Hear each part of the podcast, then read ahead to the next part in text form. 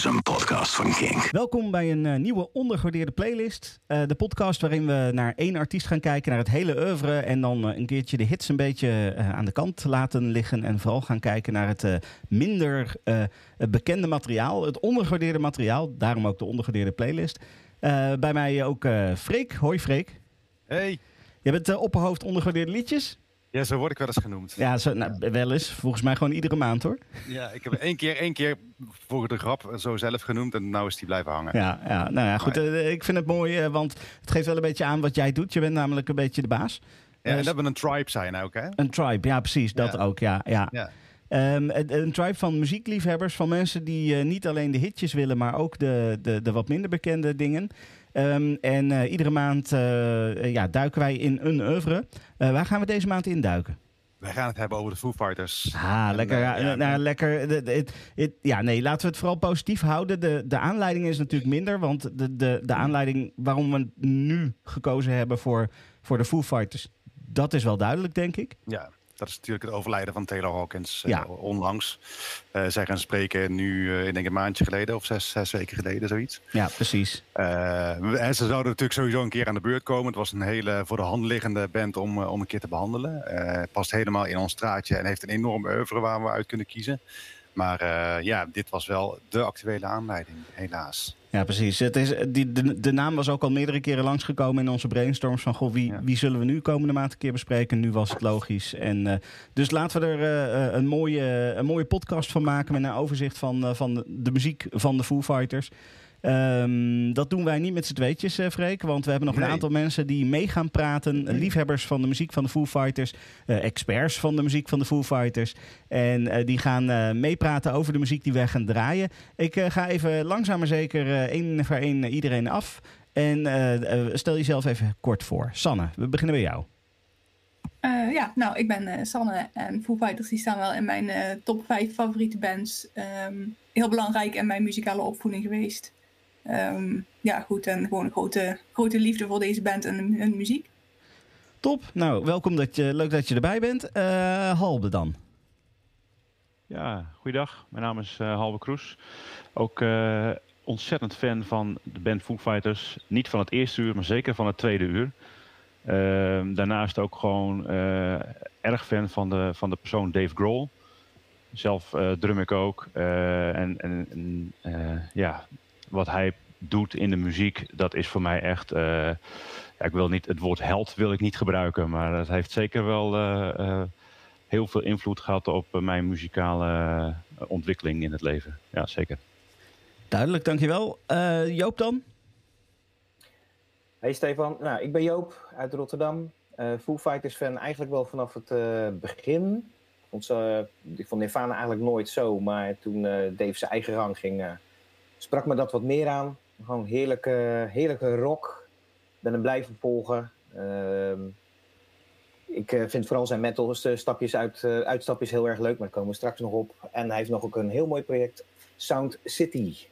Ja, ja je laat de cd even zien. Uh, de documentaire was natuurlijk ook fantastisch. Ja. dat, daar heb ik ook echt enorm van genoten. Dus dat, dat project vind ik ook heel mooi inderdaad. Um, we gaan ongetwijfeld uh, heel veel dingen uh, langs horen komen over, uh, over de Foo Fighters, over de ontwikkeling van de Foo Fighters en dergelijke. Dat doen we naar aanleiding van een lijst. Die is samengesteld door een, een, stuk meer mensen dan hier nu aanwezig zijn om deze podcast op te nemen. Um, en wij gaan niet van hoog naar laag die lijst door, maar we gaan op chronologische volgorde. Dus we beginnen bij het oudste materiaal.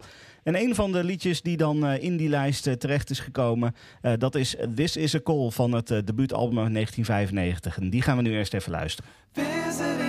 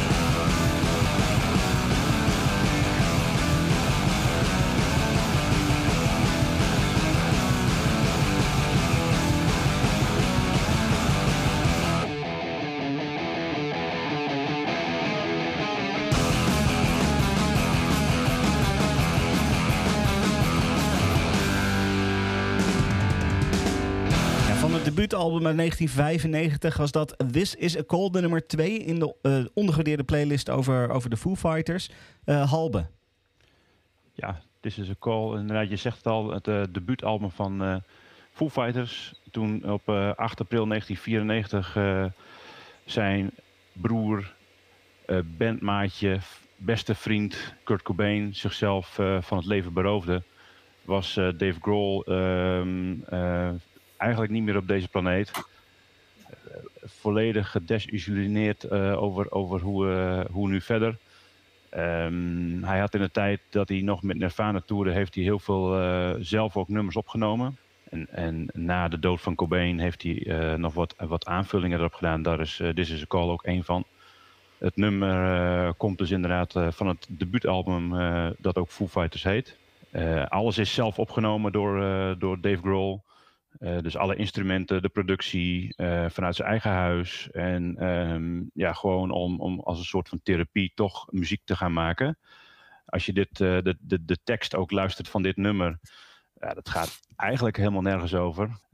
Ja, dus, en dat zegt hij later zelf ook. Van ja, ik, ik moest gewoon inderdaad gewoon dingen van me afschrijven.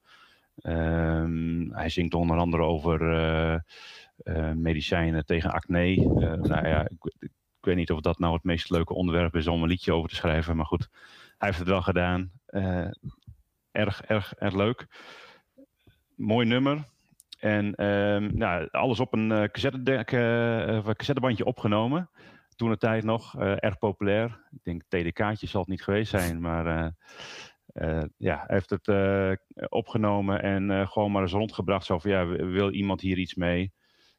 Nou ja, dat bleek toch ah, eh, door een platenmaatschappij eh, opgepikt te worden. En eh, die hebben dat eigenlijk buiten zijn weten om uitgebracht. En dat bleek een, een garantie voor succes. Ehm, volgens mij is This is a Call ook het doorbraaknummer geweest naar een wereldwijde publiek.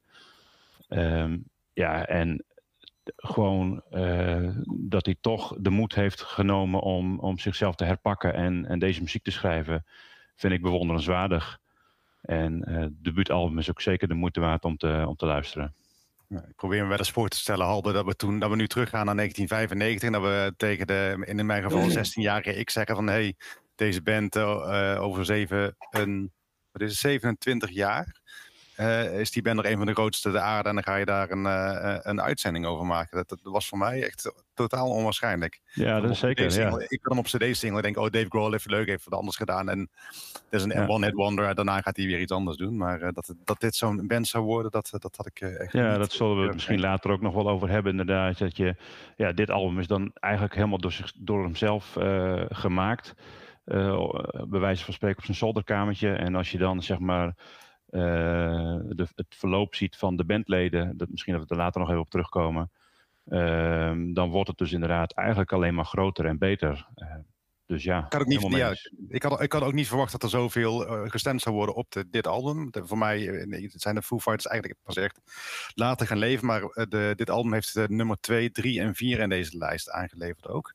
Eh, waardoor we ook iets uitzonderlijks gaan doen. We gaan ook echt drie nummers van deze eh, plaat draaien. En normaal proberen we ons te beperken tot twee. Maar ja, we kunnen natuurlijk niet de nummer vier niet draaien. Dus uh, dadelijk horen we ook de nummer, de nummer drie als Stick Around. Joop? Ja, Halbe die gaf al een beetje aan van hoe Foo Fighters ontstaan zijn. Hè? Dave Grohl, die, die, die, nou ja, hij was niet de eerste, de beste die zichzelf door de kop schoot. En dat, heeft, ja, dat maakte impact. Dus Dave Grohl, die, hij, hij, dreigde, hij dreigde gewoon in een diep gat te vallen na Cobain's dood. Um, nou ja, dat heeft eventjes geduurd. Hij wist zich te herpakken en uh, zat wel vol ideeën. Was alleen nog niemand om, uh, om erbij te helpen, dus hij heeft alles in zijn eentje volgespeeld. En I'll Stick Around, dat is een van de eerste songs die hij schreef voor Foo Fighters plaat. En ja, hij had ideeën zat. Hij moest ook een beetje zijn, zijn frustratie en zijn agressie kwijt, ehm, waaronder Courtney Love. Die, nou ja, die neemt hij echt verbaal redelijk te grazen in dit nummer. die kreeg zo'n beetje van alles de schuld. Um, zelfs tot en met het profiteren van uh, ja, Cobain's dood toe. Om, om, om, eigenlijk ook haar eigen bandje Hole, die stond toen in de stijgers, om die een start te bezorgen. En dat heeft hij in interviews daarna allemaal jarenlang ontkend. Van, nee, dat is niet waar, helemaal niet waar.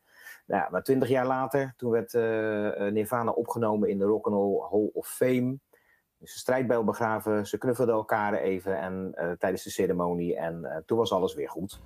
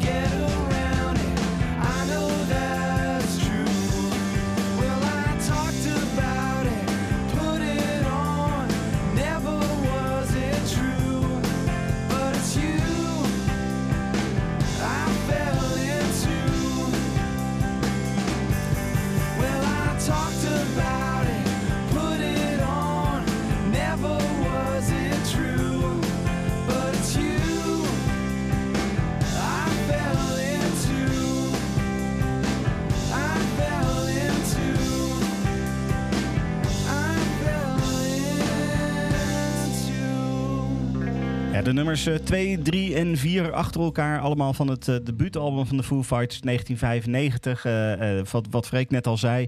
Eh, best wel uniek. Doen we normaal gesproken nooit. Drie nummers van hetzelfde album. Maar in dit geval konden we er echt niet omheen. Omdat ze nou ja, 2, 3 en 4 zijn. dit was The Big Me. Halbe. Ja, Big Me. Het verbaasde mij eerlijk gezegd dat hij dus inderdaad zo hoog in de lijst gestemd was. Um, niet heel bekend bij de meeste uh, Foes-fans, om het zo maar te zeggen. Um, komt inderdaad ook nog steeds van het uh, uh, debuutalbum volledig gemaakt door Dave Grohl. Um, het liedje um, is ten opzichte van bijvoorbeeld This is a Call wel opgenomen in de tijd dat hij nog bij Nirvana zat. Dus deze lag al op de plank. Um, heeft het dan toen alsnog weer opgenomen. ze hebben het nummer uitgebracht en is, eh, is uiteindelijk erg, uh, ja, wat ze tegenwoordig zeggen, viral gegaan. Uh, door uh, de reclame die voor een bepaald soort pepermunt gemaakt werd. En dankzij die reclame, die wereldwijd natuurlijk een groot succes was met dat nummer eronder, ja, werd het een beetje een cheesy verhaal. En de band heeft ook heel lang dat nummer live niet gespeeld vanwege die uh, desbetreffende reclame. En dat vind ik eigenlijk wel, uh, wel geestig en, en, toch ook bijzonder dus dat hij hier zo hoog in de lijst staat. Ja, want dat is, uh, we waren een beetje aan het voorbespreken. Het is eigenlijk voor iedereen een beetje een verrassing dat deze zo hoog staat. Ja, ik vind hem een beetje zouteloos als ik heel eerlijk mag zijn. Ja, dat mag. Ja, ja. als ik zo terug hoor, denk ik, ja, nu zijn ze veel steviger. Ja, ballads doen ze niet meer zo vaak. Uh, dat nemen ze niet meer zo vaak op. Ik vind dit, ja, het is een beetje een voortkabbelend uh, dingetje. Ik, ik, dacht, oh ja, dat, dat deden ze vroeger ook toen ik het terug hoorde. Ja, ja. ja. Ja, toch, toch bijzonder dan dat dat uh, toch de nummer vier plek heeft. Um, uh, het zou natuurlijk kunnen zijn dat het een, wel een heel herkenbaar nummer is, ook vanwege die reclame. Iedereen, of nou ja, iedereen, maar een heleboel mensen hebben dit nummer bewust of onbewust gehoord. En dat daarom toch erop gestemd wordt. Dat zou, dat zou natuurlijk kunnen. Um, nou, dan, dan gaan we uh, na drie nummers uh, van het debuutalbum gaan we verder met het volgende album. We gaan naar 1997 naar The Color and the Shape. Joop. Um, the Color and the Shape. Dat is eigenlijk het album uh, waar Taylor Hawkins binnen kwam zetten. we gaan wel een verhaaltje aan vooraf. De opnames die waren eigenlijk bijna klaar. En Dave dacht van, laten we eens even kijken wat er allemaal staat. En toen was hij eigenlijk niet zo tevreden over het drumgeluid van uh, William Goldsmith. Hij denkt dat kan beter. Dus uh, hij heeft daar het uh, overgrote deel daarvan zelf opnieuw ingespeeld. En toen William Goldsmith daarmee geconfronteerd werd, dacht hij van ja, wat doe ik hier eigenlijk nog? Dus toen kon hij, konden ze op zoek naar een nieuwe drummer. Um, Dave had ondertussen gezien dat bij, in de touringband van Alanis Morissette wel een aardige gast zat. Dat was dus Taylor Hawkins. En uh, nou ja, lang verhaal kort. Uh, de twee werden, die, die hadden een klik. En uh, de rest is history, zeg maar. Ja, het is wel toch wel een ding, denk ik, dat, dat je als drummer uitgenodigd wordt om te drummen in de band van een van de beste drummers van de wereld, toch? Lijkt me zo kut. Omdat je dan, dat je dan gewoon, dat het dan, dat je dan aan de kant zo aan de kant wordt gezet. Volgens mij was hij er zelf ook niet trots op, maar had hij zoiets van ja, het gaat uiteindelijk wel Hè, uh, om de kwaliteit van de album. Ja, nee, ja, dat... hij dacht, eh, Dave dacht ook nog van... Uh, hey William, sorry, maar die drums moeten even beter. En ehm, ja, ehm, hij had eigenlijk nog wel gehoopt dat hij nog mee zou gaan toeren. Maar toen dacht hij ook van ja, dag. Ja. Dus ja, dat maakte gewoon de weg vrij voor Taylor Hawkins. En ja, dat is alleen maar, de band is er alleen maar beter en, en strakker op geworden. Ja, ja, je, kan, je merkt ook wel, uh, dat zie je bijvoorbeeld ook in, uh, in die docu, uh, die Sound City docu, dat um, Dave Grohl is wel een perfectionist, zeg maar. Hij heeft echt een visie en het moet klinken zoals hij het wil. En dat, dat, nou ja, dat was dus blijkbaar niet goed genoeg bij die eerste drummer. Dus toen moest hij een andere hebben. Um, ja, we gaan dus naar The Color and the Shape. Walking After You. Um, ja, er zit ook, daar zit ook weer een verhaaltje aan natuurlijk. Ja. Want, die, die staat al op de color en de shape. Um, maar eigenlijk de bekendere versie en ook de betere versie, maar dat vind ik persoonlijk, eh, is die eh, eh, op de soundtrack gekomen is van The X-Files, The Movie. Daar is het nummer gewoon opnieuw ingespeeld voor die film, voor bij de soundtrack. En er staan op die soundtrack nog meer nummers die opnieuw ingespeeld zijn. Bijvoorbeeld Invisible Son van de Police. Dat heeft Sting opnieuw gedaan met Aswad. Klinkt niet eens onaardig, maar goed, dat is een zijstapje. Ehm, de, ja, de Walking After You die, die klinkt daarop gewoon veel beter, veel voller. En ehm, wat ik er ook nog het mooie aan vind, is dat eh Grol, die hier ook nog, eh, nog steeds zalig zwoel klinkt. Echt heel lekker. Hij heeft het nummer opnieuw opgenomen. En ehm, zonder dat het nummer aan kracht verloor. Integendeel, het is echt vele malen beter geworden. En ik had gehoopt op een reissue dat ze die er later op hadden gezet. Maar eh, het is zo gelopen. Ja, we gaan luisteren naar de versie van The Color and the Shape. Want dat is natuurlijk wel de versie waar we het nu over, over, over hebben. Dus daar gaan we nu even naar luisteren.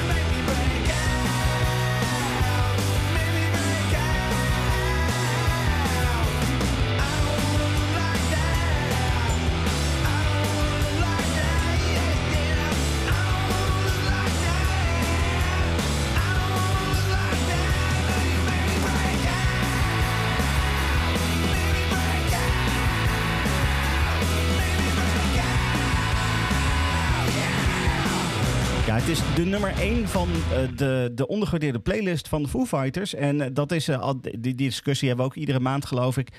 is de nummer 1 dan de meest ondergewaardeerde of dan weer de minst ondergewaardeerde van de ondergewaardeerde liedjes? Nou ja, dat, die discussie gaan we verder niet beantwoorden, want dat is voor ieder, denk ik, zelf om dat in te vullen. Maar de nummer 1 in ieder geval van de ondergewaardeerde playlist was Breakout uit 1999. Sanne? Ja, voor mij is dit wel mijn ultieme schreeuw je frustratie eruit liedje. Uh, het liefst in de auto, want dan heeft niemand anders er last van. um, ja, als ik dit liedje hoor, dan raak ik uh, of meer gefrustreerd of juist niet meer. Uh, meestal het laatste, dus dat is wel mooi. Um, en het nummer stond ook nog op de soundtrack van Me, Myself and Irene. En dat was een, eigenlijk een hele cheesy comedy.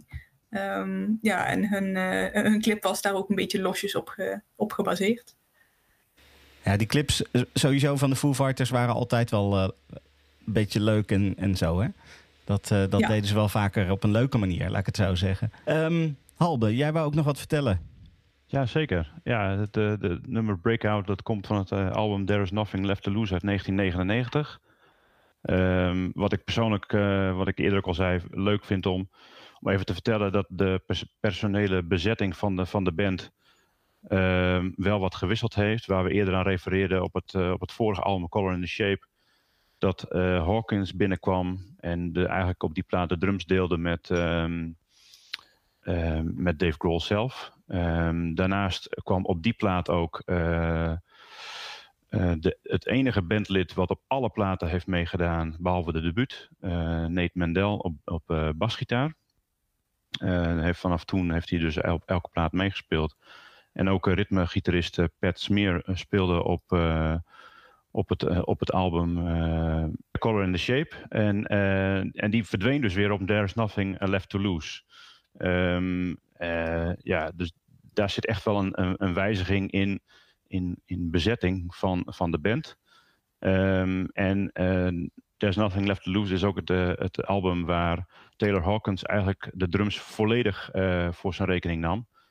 Um, en vanaf dat moment eigenlijk nooit meer losgelaten heeft. Dus uh, dat, is, dat is wel bijzonder om te zien. Um, en als je dan weer even een, een klein stukje vooruit loopt op, op het volgende nummer, het, waar het album One by One uit 2002, is die bezetting alweer uh, anders geworden. Komt er een, een tweede gitarist bij. Um, en ja, dan zie je dus eigenlijk dat die band gewoon steeds meer uitgebreid wordt en het, het geluid dus ook voller wordt. Um, meer productie, Dave Grohl, die eigenlijk als een soort opperhoofd, uh, klinkt jou niet onbekend in de oren, Freek, uh, yeah. uh, de, de, band leidt. En eh, ja, met de komst van ook gitarist Chris Shiflett, ja, die, die echt fantastisch gitaar kan spelen, wordt de band echt ja, meer en meer een echte band, zeg maar. Hey, je noemde Halbe net Pat Smear. Heeft hij, um, valt me ineens te binnen, heeft hij niet ook bij Nirvana al meegespeeld destijds bij In Utero? Uh... Ja, hij speelde ehm, sommige nummers op plaat heeft hij meegedaan, maar hij was vooral ook uh, backing in, in de zin van uh, tijdens de tours die ze deden. Okay. En daar kende Grohl hem dus heel goed van. Alleen Pat Smear zat zeg maar eind jaren 90, uh, 1998 laten we stellen, uh, zat hij gewoon uh, als, als, een soort overwerkt iemand. Uh, dat hij zei van ik kan dat allemaal niet aan, ik wil niet meer meetoeren, ik wil niet meer op die plaats staan, het is even goed zo. Dus ja. vandaar dat hij toen heeft gezegd van ik stap er even uit. En gelukkig voor de band kwam hij halverwege de jaren 2000 weer ja. terug is trouwens de slechtste acteur van de band, maar daar komen we later nog op. zeker.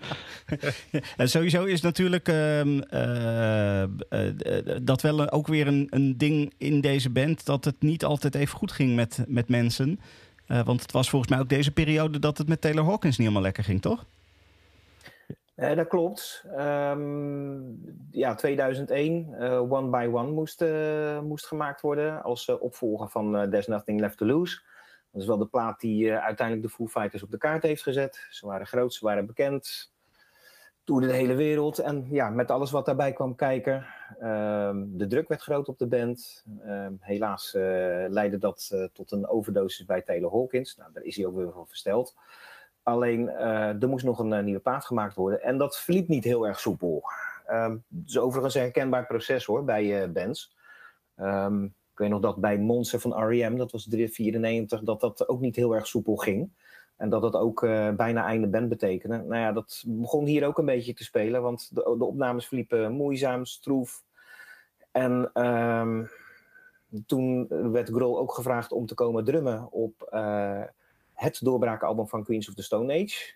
Songs for the Deaf, want die hadden nog eh, geen nieuwe drummer. En ehm, ja, daar raakte meneer zo door geïnspireerd dat hij dacht van... hé, hey, dit uh, valt me even wel.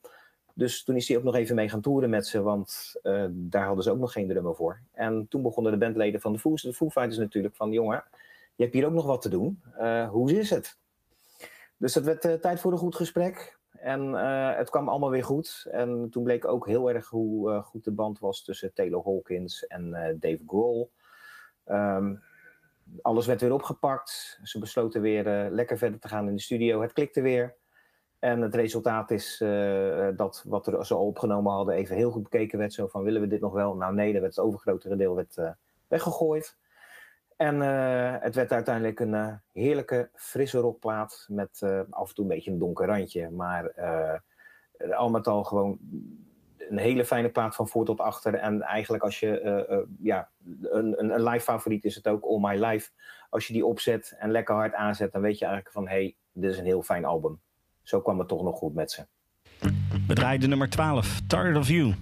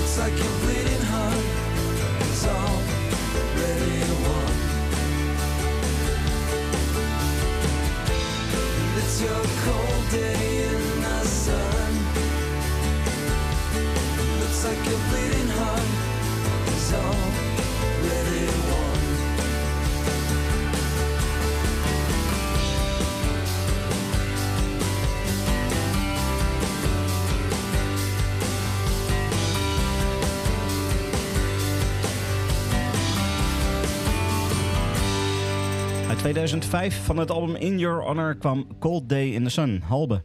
Ja, klopt inderdaad. Cold Day in the Sun.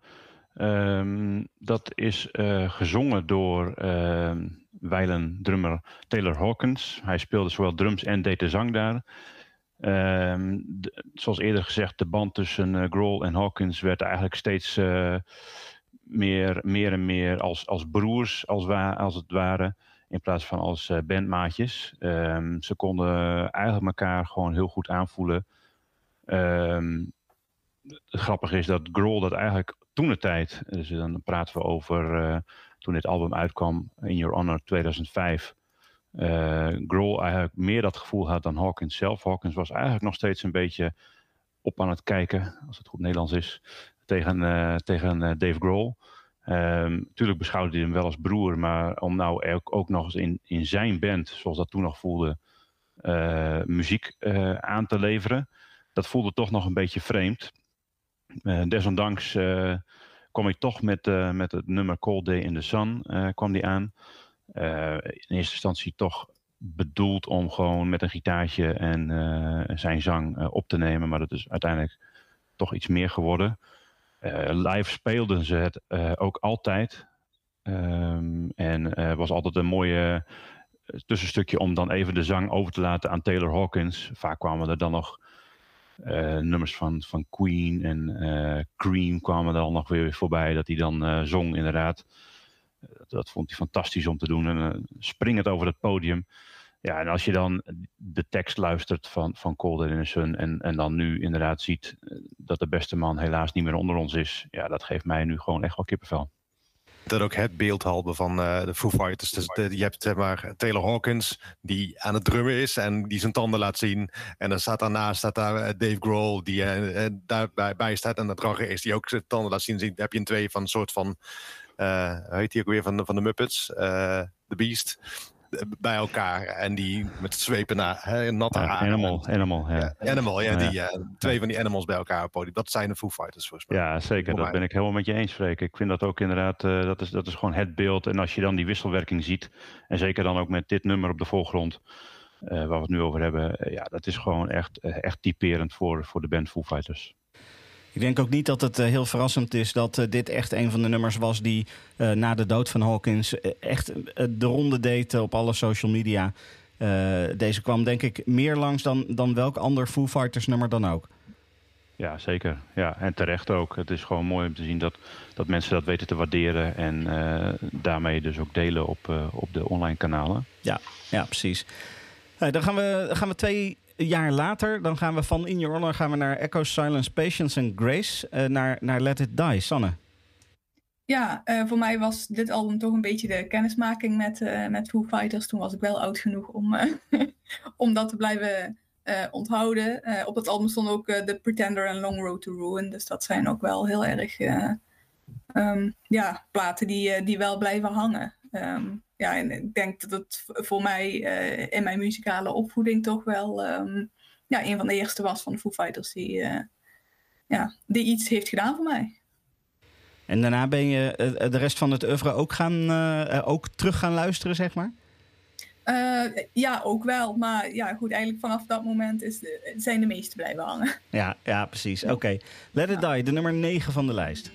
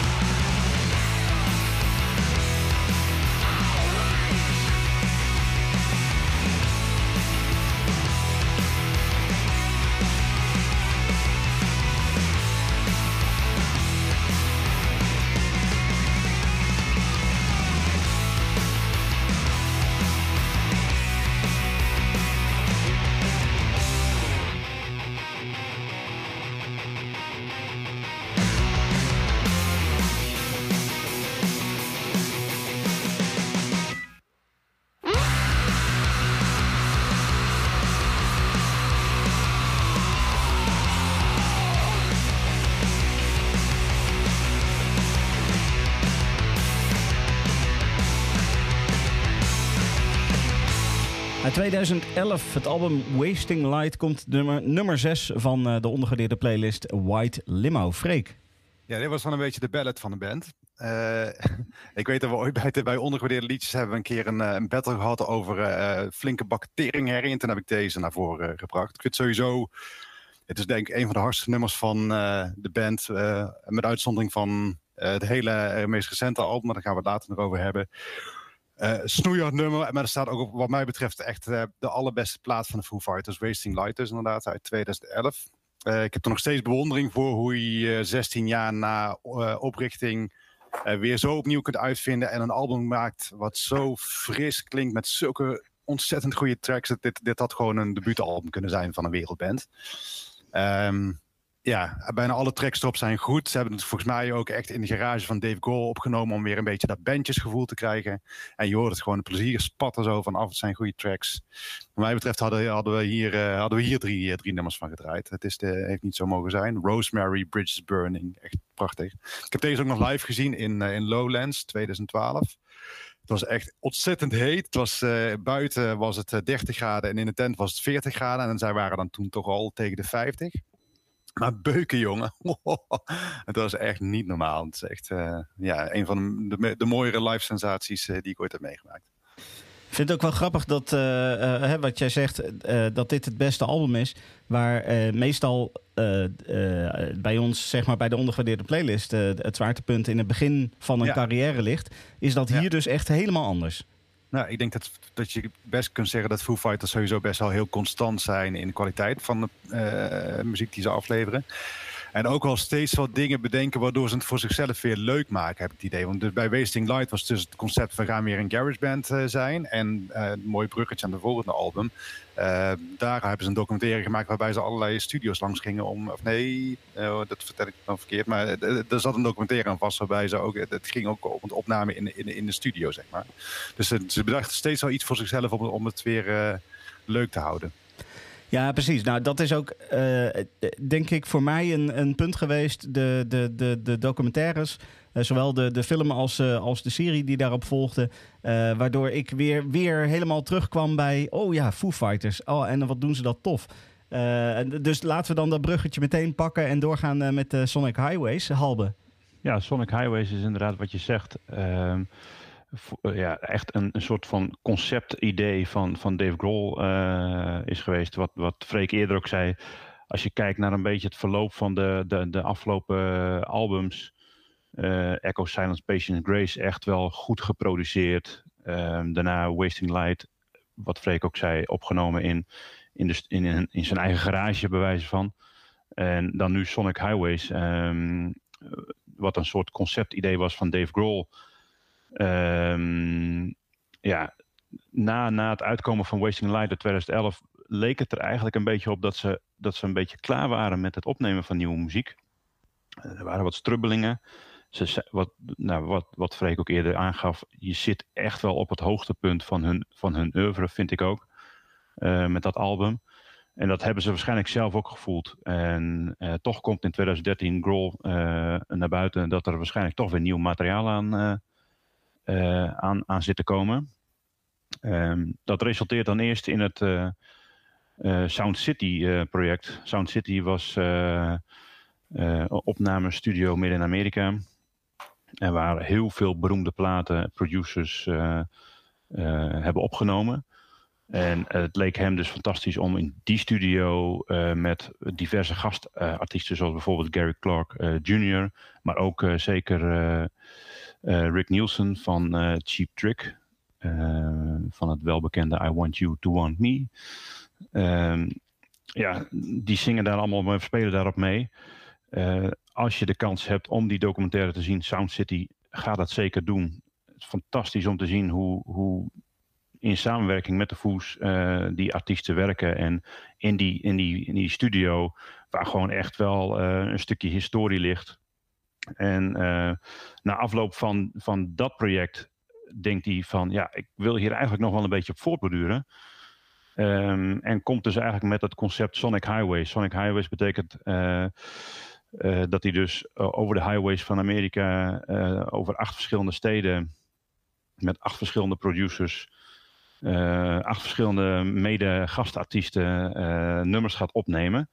Natuurlijk, de nummers lagen wel enigszins klaar, maar hij heeft de, in instantie met die nummers zelf langs die steden gereisd. En toen dat allemaal een beetje uitgekristalliseerd werd, kwam ook de band diezelfde tour nog een keer langs die acht steden en vervolgens alles opnemen. Um, documentaire over dat album is ook toen de tijd uitgezonden via HBO. Bij mij weten staan alle afleveringen inmiddels ook op, op, op YouTube. Dus als je de kans ziet om, om ze te kijken, ga het ook zeker doen. Um, en Sonic Highways ja, is, is gewoon heel divers. Je merkt dat de eerste paar nummers gewoon steengoed zijn. het zakt daarna wel iets af uh, op het album qua, qua muzikaliteit, vind ik persoonlijk ook. Um, en, en wat ik ook uh, misschien grappig is om te vertellen, dat na aanleiding van dit album zijn ze natuurlijk ook weer gaan toeren. En uh, dit is ook de tour waar Dave Grohl van het podium viel. Um, en ook zijn been in tweeën knakte. Ja, die tour uh, heeft hij uiteindelijk dus wel, wel doorgezet. Uh, het eerste, dat concert dus inderdaad met flink, flink wat pijnstillers in zijn mik.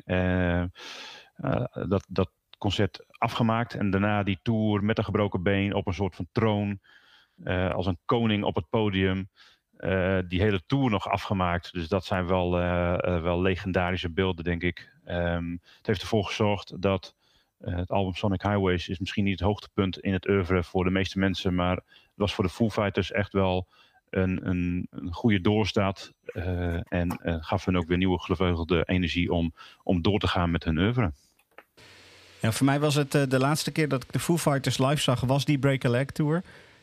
Dus dat is voor mij ook wel bijzonder geweest. En dat album, juist vanwege die documentaire, vond ik het heel erg tof. En heb, heb ik er in ieder geval heel, heel veel aan gehad aan dat album. Dat vond ik echt heel fijn.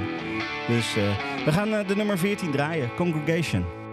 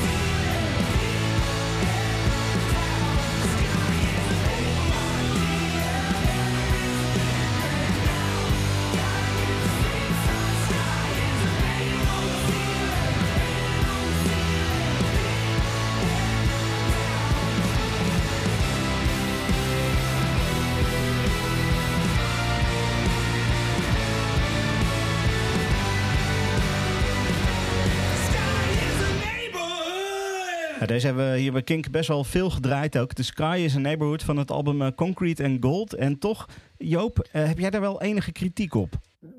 Ik zal proberen netjes te blijven. Ahem. Ehm, het is voor mij persoonlijk een van de minste eh, Foo Fighters album. Waarom? Ehm, persoonlijk vind ik de plaat eh, eh, behoorlijk, eh, ja, laat ik het netjes zeggen, zieloos dichtgeplamuurd. eigenlijk overgeproduceerd zelfs. Ehm, de, de Foos hebben hier een, eh, een, een poppy producer eh, erbij gehaald, Craig Kirsten. Ken je onder andere van eh, Adele, Pink, Kelly Clarkson. En ja, ik vind het nog steeds niet werken, hoe vaak ik het album ook beluisterd heb. Ehm, weet je, soms kan een, een, een, een, een, een, andere, hele, een hele andere producer goed uitpakken. Hè? Dat heeft bijvoorbeeld met Queens of the Stone Age op Villains. Eh, werkte dat heel goed met Mark Ronson. Daar hebben ze, vind ik, vrij weinig van hun eigen geluid verloren. Integendeel, het is echt een hele mooie geproduceerde plaat.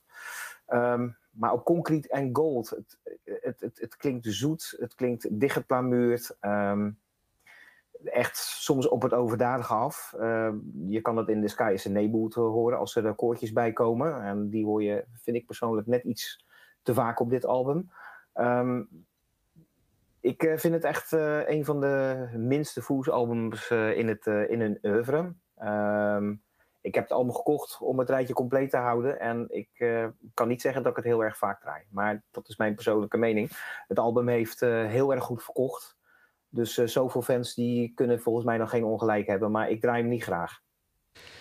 Ja, en er was natuurlijk uh, nog, uh, nog een andere release die ook heel veel kritiek heeft gehad. ongeveer in diezelfde periode. Dat was de Record Store Day release met covers van de Bee Gees. hoe vond je dat dan, Joop? Ik snap dat de band het heel erg leuk wilde houden voor zichzelf. Ik, ik kon er de lol wel van ontdekken. Maar mij deed het persoonlijk heel erg weinig. Ik, ik, zag ook dat ze tijdens live optredens dan ook een nummer ervan deden. En ik zag echt uh, de lol ervan afspatten hè, op het podium. En dat sloeg ook over op de fans. Maar dat had voor mij persoonlijk geen toevoegde waarde. Ja. Um, deze heb ik ook niet in, mijn, in de kast staan. Nee, precies. Oké, okay. ik wel. Ik vind hem fantastisch. Dus, maar ja, goed, zo, zo, hebben we verschillende smaken en dat is alleen maar mooi. Um, dan gaan we naar, naar vorig jaar. Madison at Midnight kwam toen uit. Um, Waiting on a War, Halbe. Ja, uh, Madison Midnight 2021. Daar zit je dus, uh, om het een beetje in historisch perspectief te plaatsen, uh, midden in een uh, coronapandemie. Um, ook hierin weer geproduceerd door Craig Kirsten. maar hij heeft wel van zijn vorige album geleerd dat het dus iets meer Foo Fighters is gebleven dan, dan, dan op het vorige, vorige album. Um, ook al herken je uh, sommige nummers op dit, op dit album uh, toch wel uh, met, met bandgeluiden van, van andere bands. Bijvoorbeeld Shame Shame. sommigen hadden het daar over, over David Bowie. En No Son of Mine vind ik ook wel echt wat een beetje Motorhead-achtige sound hebben. Um, ja, en dan kom je bij Waiting on a War. Dat is dan toch echt wel een typische Foo Fighters plaat. Dat begint rustig. Ehm, en, eh, en eindigt dan in een soort van climax die mij, eh, wat mij persoonlijk betreft, wat te kort duurt. Eh, maar dat is gewoon een fantastisch, fantastische plaat. Ehm, Medicine Midnight überhaupt wel gewoon goed geproduceerd ook. Maar wat ik zei, echt wel meer full Fighters dan de vorige. Het leuke van Waiting on the War is, is dat het ontstaan is geschreven door Dave Grohl naar aanleiding van een gesprek met zijn, eh, met zijn dochter. Ehm, zo van, ja, wat, wat, eh, wat gaat er allemaal gebeuren in de wereld? We, zitten midden in een, eh, in een pandemie. Uh, nou ja, over de oplopende spanningen tussen de VS en Noord, Noord-Korea. toen de tijd met nog Donald Trump aan het roer. Ehm, ja, heb je een gesprek met je dochter erover van, eh, ja, zijn we nu met z'n allen gewoon aan het wachten op de volgende oorlog? Of gaan we gewoon inderdaad leven met z'n allen? En, eh, en, en niet in angst uh, regeren. En dat resulteert in dit fantastische, fantastische plaat.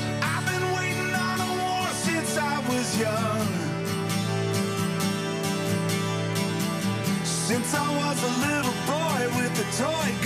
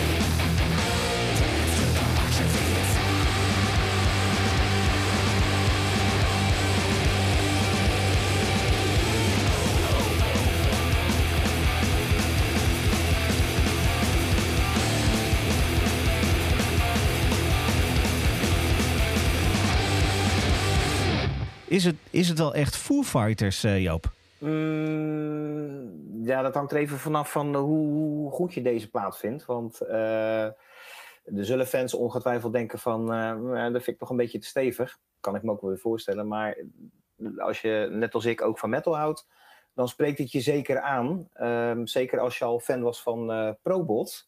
Eh, de voorganger eigenlijk van het album, vind ik. Eh Probot was destijds eh, ja, eh, Dave's ode aan metal en de, en de subgenres. Eh, natuurlijk eh, vergeet hij daar eh, de heerlijk doomy sound van Black Sabbath niet. Maar hij heeft toen ja, zijn, zijn metalhelden heeft hij toen le- leuk in de spotlights gezet. Die deden ook allemaal mee. Max Cavalera bijvoorbeeld alleen al. Als je het album nog niet kent, gaat zeker luisteren. Zeker als je een beetje van steviger gitaarwerk houdt. Nou, ehm, toen kwam ineens eh, Dream Widow. Ehm, ik moet heel eerlijk zeggen, ik moet het album nog aanschaffen. Ik heb hem uiteraard wel gehoord, maar hij gaat echt wel in de kast komen. Ehm, ik vind het zelf eh, nog een stukje verder gaan dan, eh, dan Dream Widow. Eigenlijk nog wat completer. Misschien nog wel wat, wat, wat donkerder. Maar net als bij Propot hoor ik eigenlijk ook plezier en passie. Eh, het, klinkt eigenlijk eh, nergens zo van: kijk mij ook eens even lekker metal doen. Hier in tegendeel. Nee, je hoort gewoon dat het met het album gewoon eh, totaal non-pretentieus is gemaakt. Je hoort echt de plezier en de passie. En Dave moet gewoon echt een wereldtijd gehad hebben in die studio. Dat kan, dat kan haast niet anders. En voor die fans die dachten van... waarom maakt hij nou weer zo'n hele harde plaat? Joh, daar ligt hij echt geen seconde wakker van. Dat ze dan lekker aan zijn baarde reet moesten wat de fans wel vinden. Eh, hij had daar gewoon veel zin voor op dat moment. Hij moest trouwens ook nog een soundtrack hebben voorbij die film. Ehm, die film moet ik nog, eh, moet nog gaan zien. En eh, ik verwacht er niet zo heel veel van. Maar ik ben er gewoon benieuwd naar. En tot die tijd ga ik gewoon... En blijf ik ook lekker genieten met Dream Widow. Het is echt een dijk van een plaat. En ik denk dat die in ieder geval bij mij heel hoog gaat eindigen in een jaarlijstje. Ja, je moet, die film wel zien hoor. Hoe, slecht hoe slecht die ook is. Ik, ik hadden het net heel even over in de voorbespreking. Het is net alsof je Tribute van Tenacious D ziet, maar dan in een, in een feature-length eh, film van anderhalf uur. Met dezelfde acteerprestaties overigens. Eh, Dave Grohl die kan nog een beetje acteren, maar Pat Smear, mijn hemel. Dit is echt, die zit gewoon bijna op een autocue zijn, zijn teksten voor te lezen. Maar het verhaal is dus, eh, Foo Fighters gaan naar een studio om daar nieuwe plaat op te nemen. Ze worden door een studiobaas worden in een soort oud landhuis gezet waar ze dan een studio moeten gaan opnemen. En het blijkt dat daar twintig jaar geleden of in de jaren negentig al een keer een band eh, ook een studio wilde, of een, een album wilde opnemen, maar die zijn om het leven gekomen, eh, gebracht door een of andere satanist. En die, die komen uiteindelijk weer, eh, uiteindelijk wordt Dave Grohl bezeten en hij neemt de ziel over van die satanist en die gaat ook de hele band uitmoorden. Ehm, eh, maar ik ben ook benieuwd, Joop, hoe jij bijvoorbeeld naar het laatste nummer hebt geluisterd. Dat speelde wel een, beetje een, een belangrijke rol in die, in die film. Uiteindelijk is dat het, het eh, eh, de track van het nieuwe album. Hij, eh, eh, dwingt ook Taylor Hawkins om dan die 10 minuten vol te maken. Omdat hij wil, en hij wil eigenlijk een, een nummer maken wat bijna niet eindigt, zeg maar. Ik weet niet of, die, of, dat- of, dat- of dat jou nog iets in, was opgevallen. Dat, dat het zo lang duurde en dat die... eh, eh, ja, het, het- speelde een speciale rol eh, in die film. Eh, ik heb het album zelf eh, even eh, in zijn volledigheid drie keer beluisterd. En ik vond het, het laatste album inderdaad echt een beetje lang duren. En ik wist even niet meteen wat ik ervan moest vinden. Ehm, maar eh, eh, in, in de sfeer van de plaat genomen. En misschien ja, helpt het niet dat ik de film nog niet heb gezien, wellicht. Ehm, het draagt wel bij aan de sfeer. Ik, Ja. ik weet nog steeds niet zo goed wat ik ervan moet vinden. Eigenlijk het laatste nummer. En dat klinkt misschien even een beetje raar, maar het album luistert eigenlijk best wel eh, eh, lekker weg voordat je er erg in hebt. Ja. En ehm, ja, de, de- Black Sabbath referentie vond ik in dit nummer best wel, best wel stevig. Ja, eh, ja. Dus het is Ja, het- al met al een hele complete plaat. Eh, de allerslechtste moment van de film op een gegeven moment is die, eh, eh, ze zitten dus in het huis. En Rami, de toetsenist, die krijgt een, een relatie met de buurvrouw. En hij op een gegeven moment li- liggen ze in bed en die, hij ligt bovenop haar. En op een gegeven moment ehm, eh, is Dave Grohl, die van onderaf, dan gaat hij een kettingzaag door die vrouw, die dan hè, wordt... Dus je ziet die vrouw in tweeën splijten, terwijl dat ze door, eh, door Rami eh, bestegen. Het, was echt, het is echt zo verschrikkelijk. En daarna gaat die kettingzaag dan ook nog dwars door de buik van, van Rami. Dus de- ja, dat, dat niveau ongeveer. Heeft er nog iemand honger? het is verschrikkelijk.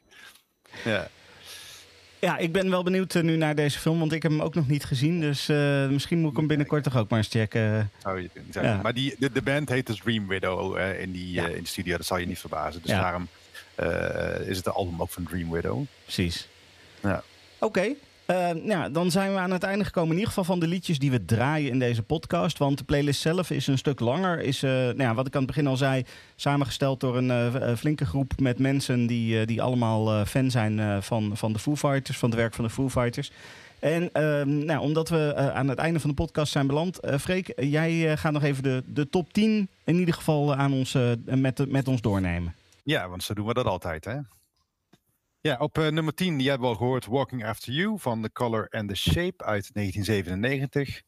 Op 9, Let It Die van Echoes, Silence, Patience and Grace 2007. Op 8, A- eh, Alone and Easy Target van het debuutalbum Foo Fighters. En ik geloof de enige die we niet gedraaid hebben, omdat we er al drie van dat eh, album hadden.